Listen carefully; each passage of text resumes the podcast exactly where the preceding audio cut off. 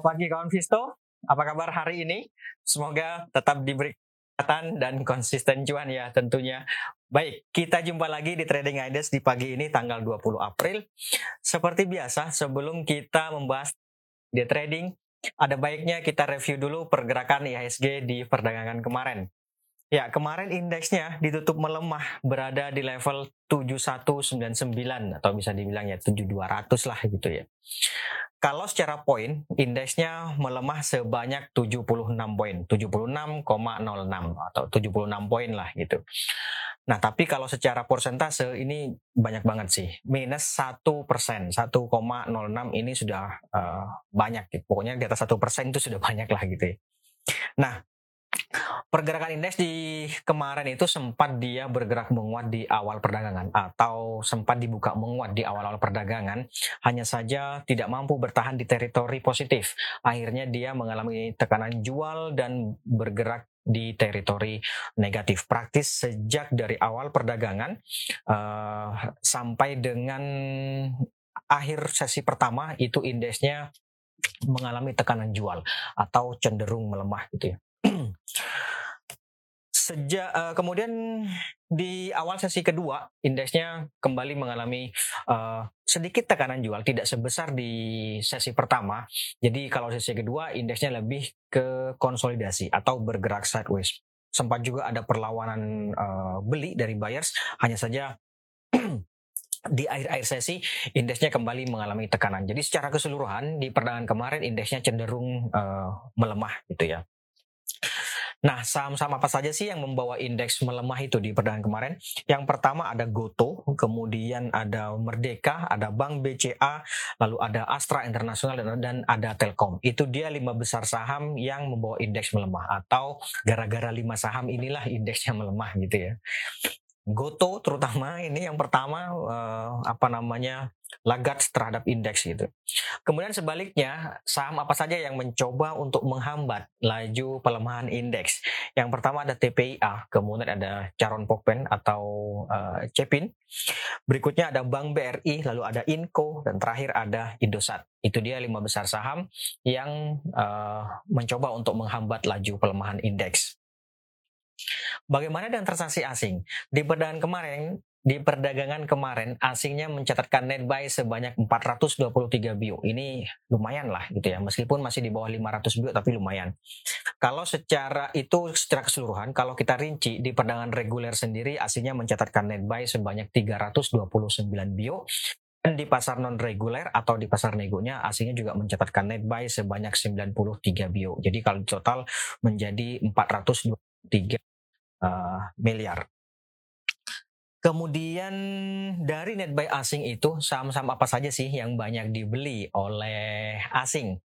Yang pertama asing banyak beli adalah Telkom, kemudian Inco, Bank BNI, lalu ada ADMR atau ada Mineral dan terakhir ada Alfamart atau AMRT.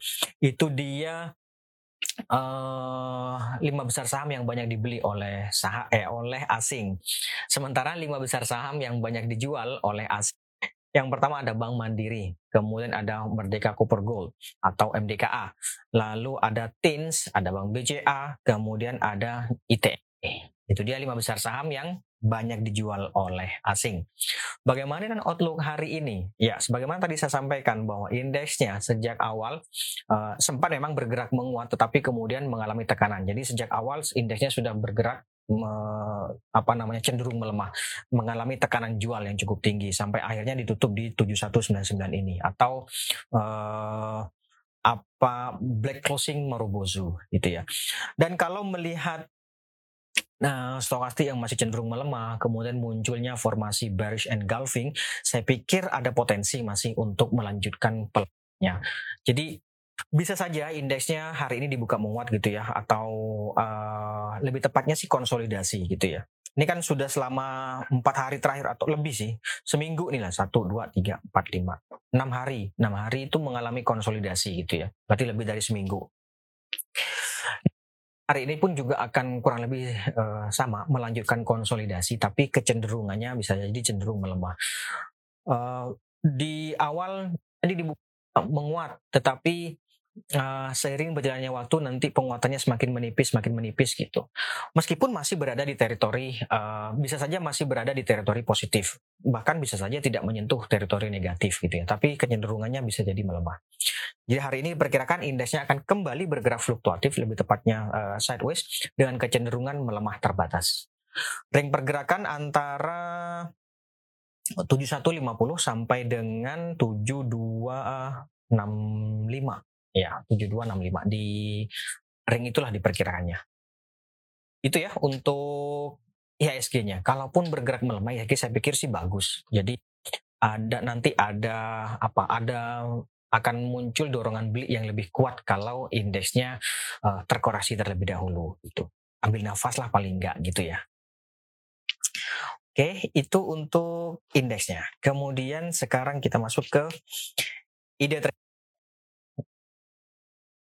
Yang pertama ada Pegas. Oke, kita lihat Pegas ya. Nah, ini dia Pegas. Ya, di badan kemarin Pegas juga mampu ditutup menguat. Tampaknya harga mencoba untuk bergerak di atas resistance level ini nih. 1370. Jadi kemampuan kemampuan harga untuk melewati 1370 ini saya pikir memberikan peluang untuk berlanjut menguat menuju level berikutnya yang ada di sini nih kawan, 1435. Jadi boleh sih dipertimbangkan ini untuk trading buy. Kalau mau trading buy bisa saja 1380 sampai dengan 1400 saya pikir bisa dipertimbangkan di level-level itu.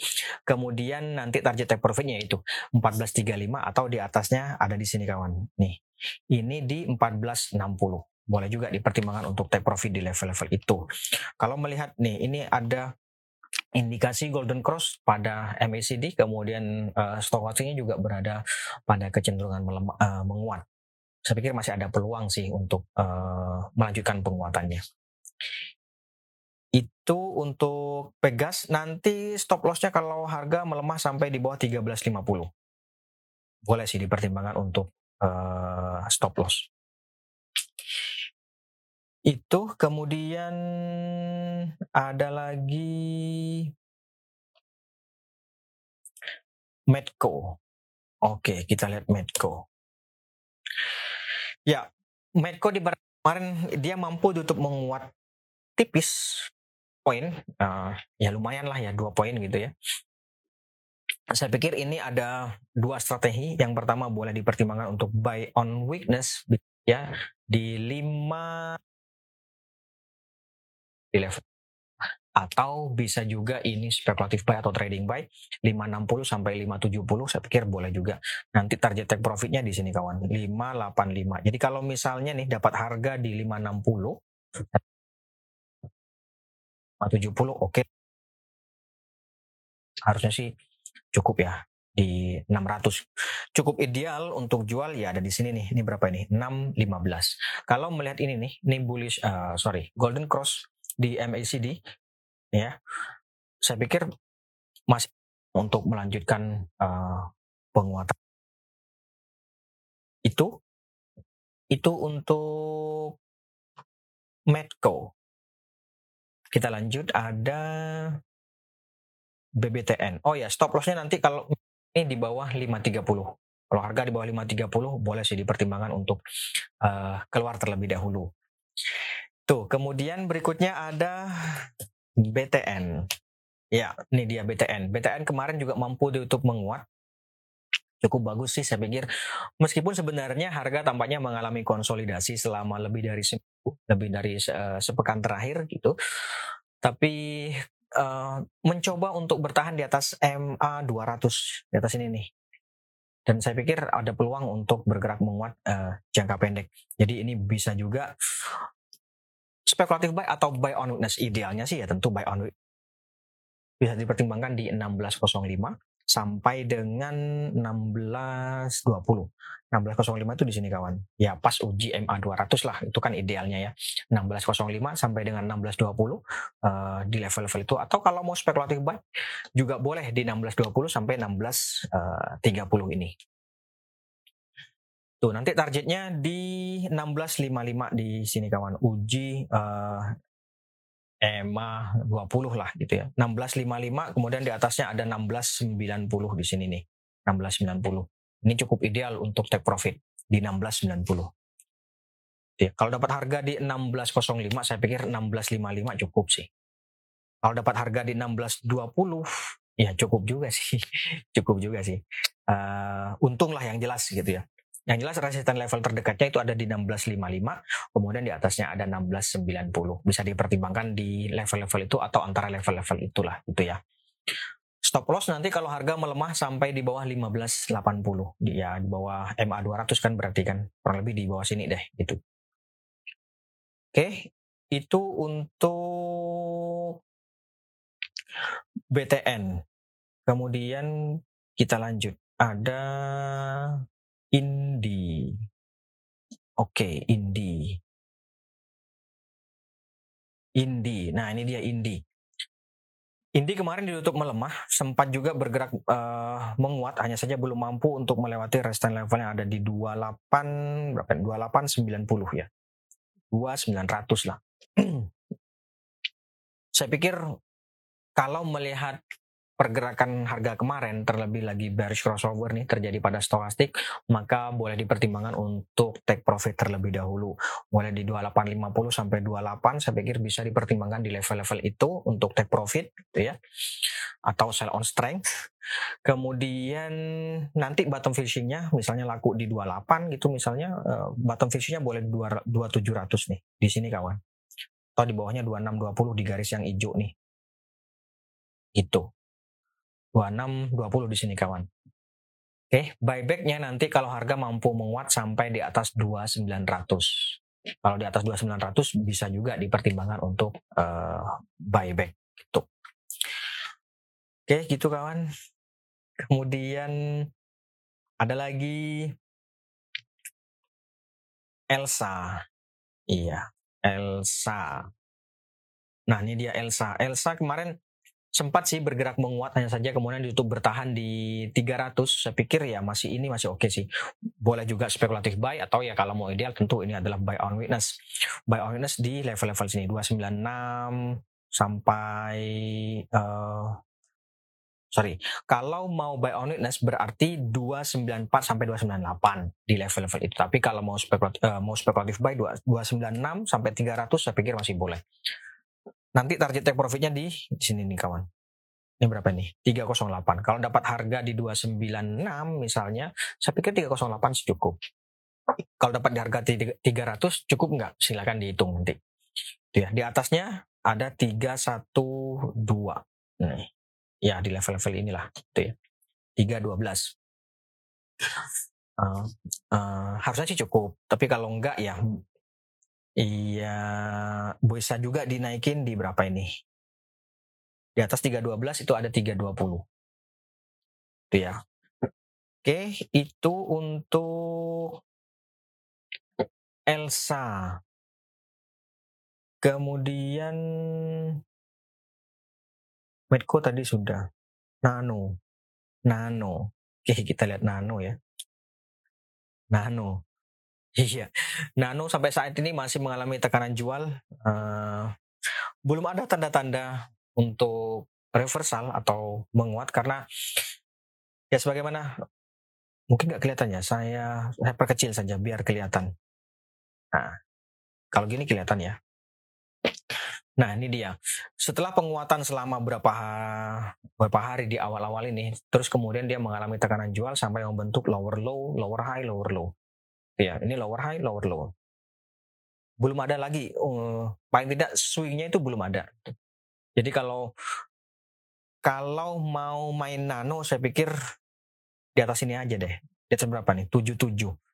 Kalau hari ini misalnya bergerak menguat di atas 77, bisa sih dipertimbangkan untuk uh, ikutan. Tapi yang baru-baru saya tidak menyarankan. Yang baru masuk ke ke pasar modal atau baru belajar main saham, saya tidak menyarankan. Yang sudah canggih ini, yang sudah bisa mantau, uh, yang sudah bisa di depan komputer, bisa dipertimbangkan di atas 77. Uh, kalaupun mau masuk, gitu ya. Nggak usah take profitnya nggak usah jauh-jauh ini sudah bagus sih. Berapa ini? 82 itu sudah bagus. 77 keluar 79, keluar 80 itu sudah bagus. Bahkan keluar 78 itu sudah bagus juga 77 keluar 78 udah bagus nanti volumenya yang dibesarin mainnya volume gitu ya oke itu untuk nano berikutnya ada lagi BBHI BBHI ini sudah lama nggak ditanyain? Oke ini dia BBHI ya sejauh ini dia mengalami konsolidasi dan saya pikir masih mencoba untuk bertahan di atas 5800. Jadi kalau mau ideal ya nggak ideal banget sih. Ya buy on weakness 5800 cukup lah gitu ya. Nanti target take profitnya di berapa? Target take profitnya di sini kawan, 6080. Kalau dapat harga 5800, jual 6000 itu kan cukup ya. Uh, untung sih yang jelas gitu ya coba kita hitung kalau dapat harga 5800 kemudian jual di 6000 kita sebenarnya untung berapa sih gitu ya tiga persen net itu cukup sih. tiga persen net. Ya untuk BBHI kemudian ada lagi TNCA ya kemarin TNCA wah mantap ini. TNCA kemarin bergerak menguat dan tampaknya mencoba untuk mengakhiri konsolidasi yang terjadi selama sepekan terakhir. Tapi perlu diwaspadai bahwa long white candle yang terbentuk atau dalam hal ini long white morobozu yang terbentuk biasanya diikuti dengan uh, apa namanya koreksi atau pause gitu ya. Jadi boleh saja ini buy on weakness di 930 misalnya 930 sampai 950 bisa dipertimbangkan di level itu. Misalnya nih hari ini dia dibuka open gap. Misalnya dibuka menguat gitu ya. Uh, berarti kan muncul gap tuh open gap gitu ya. Nah, ada baiknya sih menurut saya kalau terjadi gap buy on weakness saja karena biasanya ketika ketika dibuka menguat uh, terjadi gap dia akan mengalami koreksi terlebih dahulu gitu.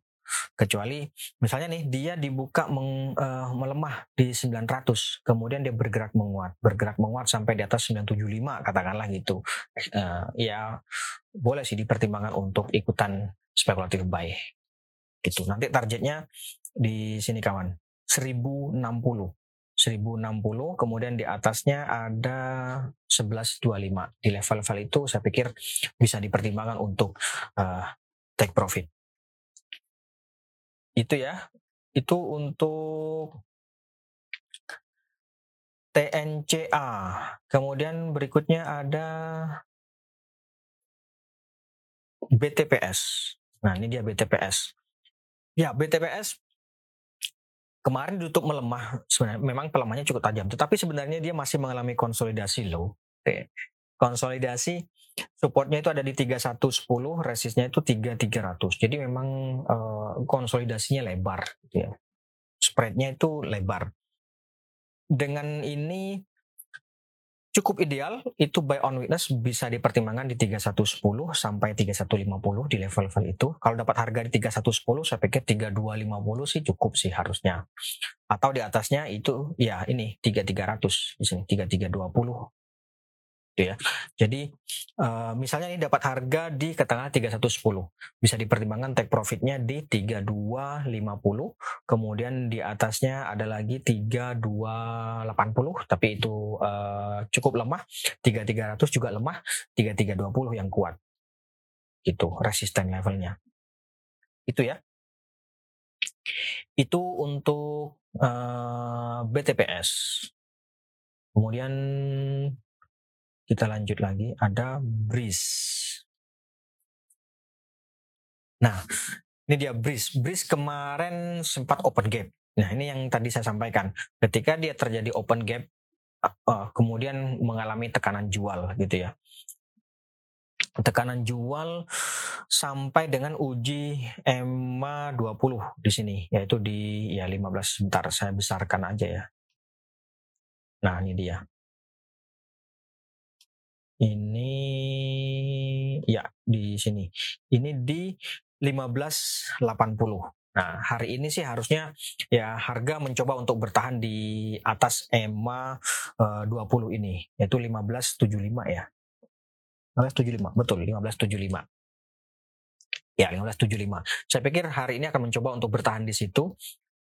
Ada peluang sih untuk bergerak menguat. Maka idealnya menurut saya ini adalah uh, buy on breakout saja. Misalnya nih hari ini dia bergerak menguat di atas 1610, saya pikir bisa jadi pertimbangan untuk ikutan spekulatif buy gitu ya itu untuk main uh, pendeknya, main jangka pendeknya. Tapi kalau view-nya adalah short to medium, maka nih kita lihat di sini. Kalau view-nya short to medium, maka ini spekulatif buy. Spekulatif buy ya berarti di harga closing kemarin 1575 atau ya nunggu kalau mau nunggu di bawah. Kemarin kan terjadi long white, uh, sorry, long black marubozu, ya kan? Artinya mengalami tekanan jual yang cukup tinggi kalau mau mengantisipasi uh, sisa-sisa tekanan jual yang terjadi kemarin, maka bisa saja dipertimbangkan buy on witness misalnya 1560 gitu ya. Tapi yang jelas kalau view-nya adalah short to medium ini bisa saja spekulatif buy. Nih, kemudian coba kita lihat uh, kembali ke sini. Nih ya. Ini dia. Ini uh, golden cross yang terjadi di MACD ini memberikan peluang untuk menguat ya short to medium tadi itu. Ya. Atau pendek ke menengah. Kalau main jangka pendek, tadi uh, seperti saya sampaikan, ya bisa dipertimbangkan untuk buy on breakout. Oke, itu untuk bris. Kemudian work. Nah, ini dia work. Ya, work. Setelah disuspend, kemarin dia kembali mengalami dorongan beli yang cukup kuat gitu ya. Bisa saja uh, gini, tetapkan apa namanya trailing stop. Jadi contoh menetapkan trailing stop seperti apa? Nih kita aja kita buat aja uh, uptrend line yang sederhana gitu ya. Ini kan up, uh, up terus gitu ya. Seketika, suatu ketika kalau misalnya uh, turun di bawah tren ini ya nggak take, take profit aja gitu. Itu sederhananya seperti itu. Gitu. Sepanjang dia masih uh, uptrend ya udah. Yang yang punya ya boleh sih di di hold saja. Atau yang baru mau masuk trading buy sih ya namanya juga trading buy berarti kan risikonya sudah mulai meningkat dibandingkan dengan potensial return. Jadi kalau menurut saya kalau trading buy ya begitu untung lepas gitu. Begitu ya. Oke. Itu untuk work. Ada lagi nggak? Terakhir ya. Agro. Agro. Ya, sampai dengan saat ini agro masih cenderung melemah. Nih, kalau kita lihat di sini, uh, ya mudah-mudahan kelihatan. Harusnya sih kelihatan ya. Coba kita pasang gini deh. Uh, sebentar. Kita tarik retrace saja. Nah, ini dia. Ada baiknya dipertimbangkan ini buy on breakout saja. Kalau jadi nunggu dia swing di atas, ya kurang lebih di atas inilah. 11, eh sorry. 12, berapa ini? 12.30. Di atas 12.30 kawan. Artinya ada, uh, sampai dengan saat ini kan belum ada sinyal untuk terjadi rebound, bukan rebound, uh, reversal. Belum ada sinyal untuk mengalami reversal, gitu ya. Artinya ketika dia bergerak di atas 12.30 di atas ini, maka uh, setidaknya muncul harapan, gitu ya. Meskipun belum belum tentu juga belum tentu juga reversal, tapi paling enggak ada uh, swing sedikit lah, gitu ya. Jadi ada baiknya dipertimbangkan buy on breakout saja, menunggu uh, apa namanya uh, uh, sinyal-sinyal terjadinya reversal. Itu yang ideal. Tapi kalau mau saya hanya memanfaatkan fluktuasi jangka pendek, ya sudah uh, resisten level terdekat saat ini itu ada di 1035 nih. Kalau hanya memanfaatkan fluktuasi jangka pendek, maka buy on breakout-nya bisa di atas 10.35. Kalau misalnya nih hari ini dia bergerak menguat di atas 10.35, ya bisa saja ikutan. Misalnya 10.40 ikutan 10, sampai 10.50 lah gitu ya. Kemudian nanti target take profitnya di berapa? Saya pikir 10.80 harusnya sih cukup. kalau main jangka pendek. Jangan saya hanya memanfaatkan fluktuasi jangka pendek, tapi ternyata ketika sudah untung masih di keep. Nah, itu biasanya yang jadi uh, ini ya. Jangka pendek jadi jangka panjang gitu. Oke. Itu untuk agro. Terakhir, terakhir banget, Antam. Oke, Antam kemarin juga mengalami tekanan jual tapi masih mencoba untuk bertahan di atas uh, eh, 2830. Jadi saya pikir hari ini kalau dia sebagaimana yang saya sampaikan kemarin-kemarin, kalau sudah punya misalnya kemudian 2830 ini bisa saja dipertimbangkan sebagai trailing stop. Misalnya hari ini dia bergerak melemah di bawah 2830, boleh take profit terlebih dahulu. Nanti bottom fishing lagi di bawah. Bottom fishing jadi nggak kehilangan barang gitu ya. 2700 boleh bottom fishingnya di situ. Atau 2740 deh. 2740 kemudian 2700 di level-level itu bisa dipertimbangkan untuk bottom fishing. Oke, saya pikir itu dulu kawan Visto untuk hari ini. Terima kasih atas kehadiran dan partisipasinya. Mohon maaf jika ada kesalahan. Sekali lagi terima kasih. Selamat pagi. Salam investasiku for better tomorrow.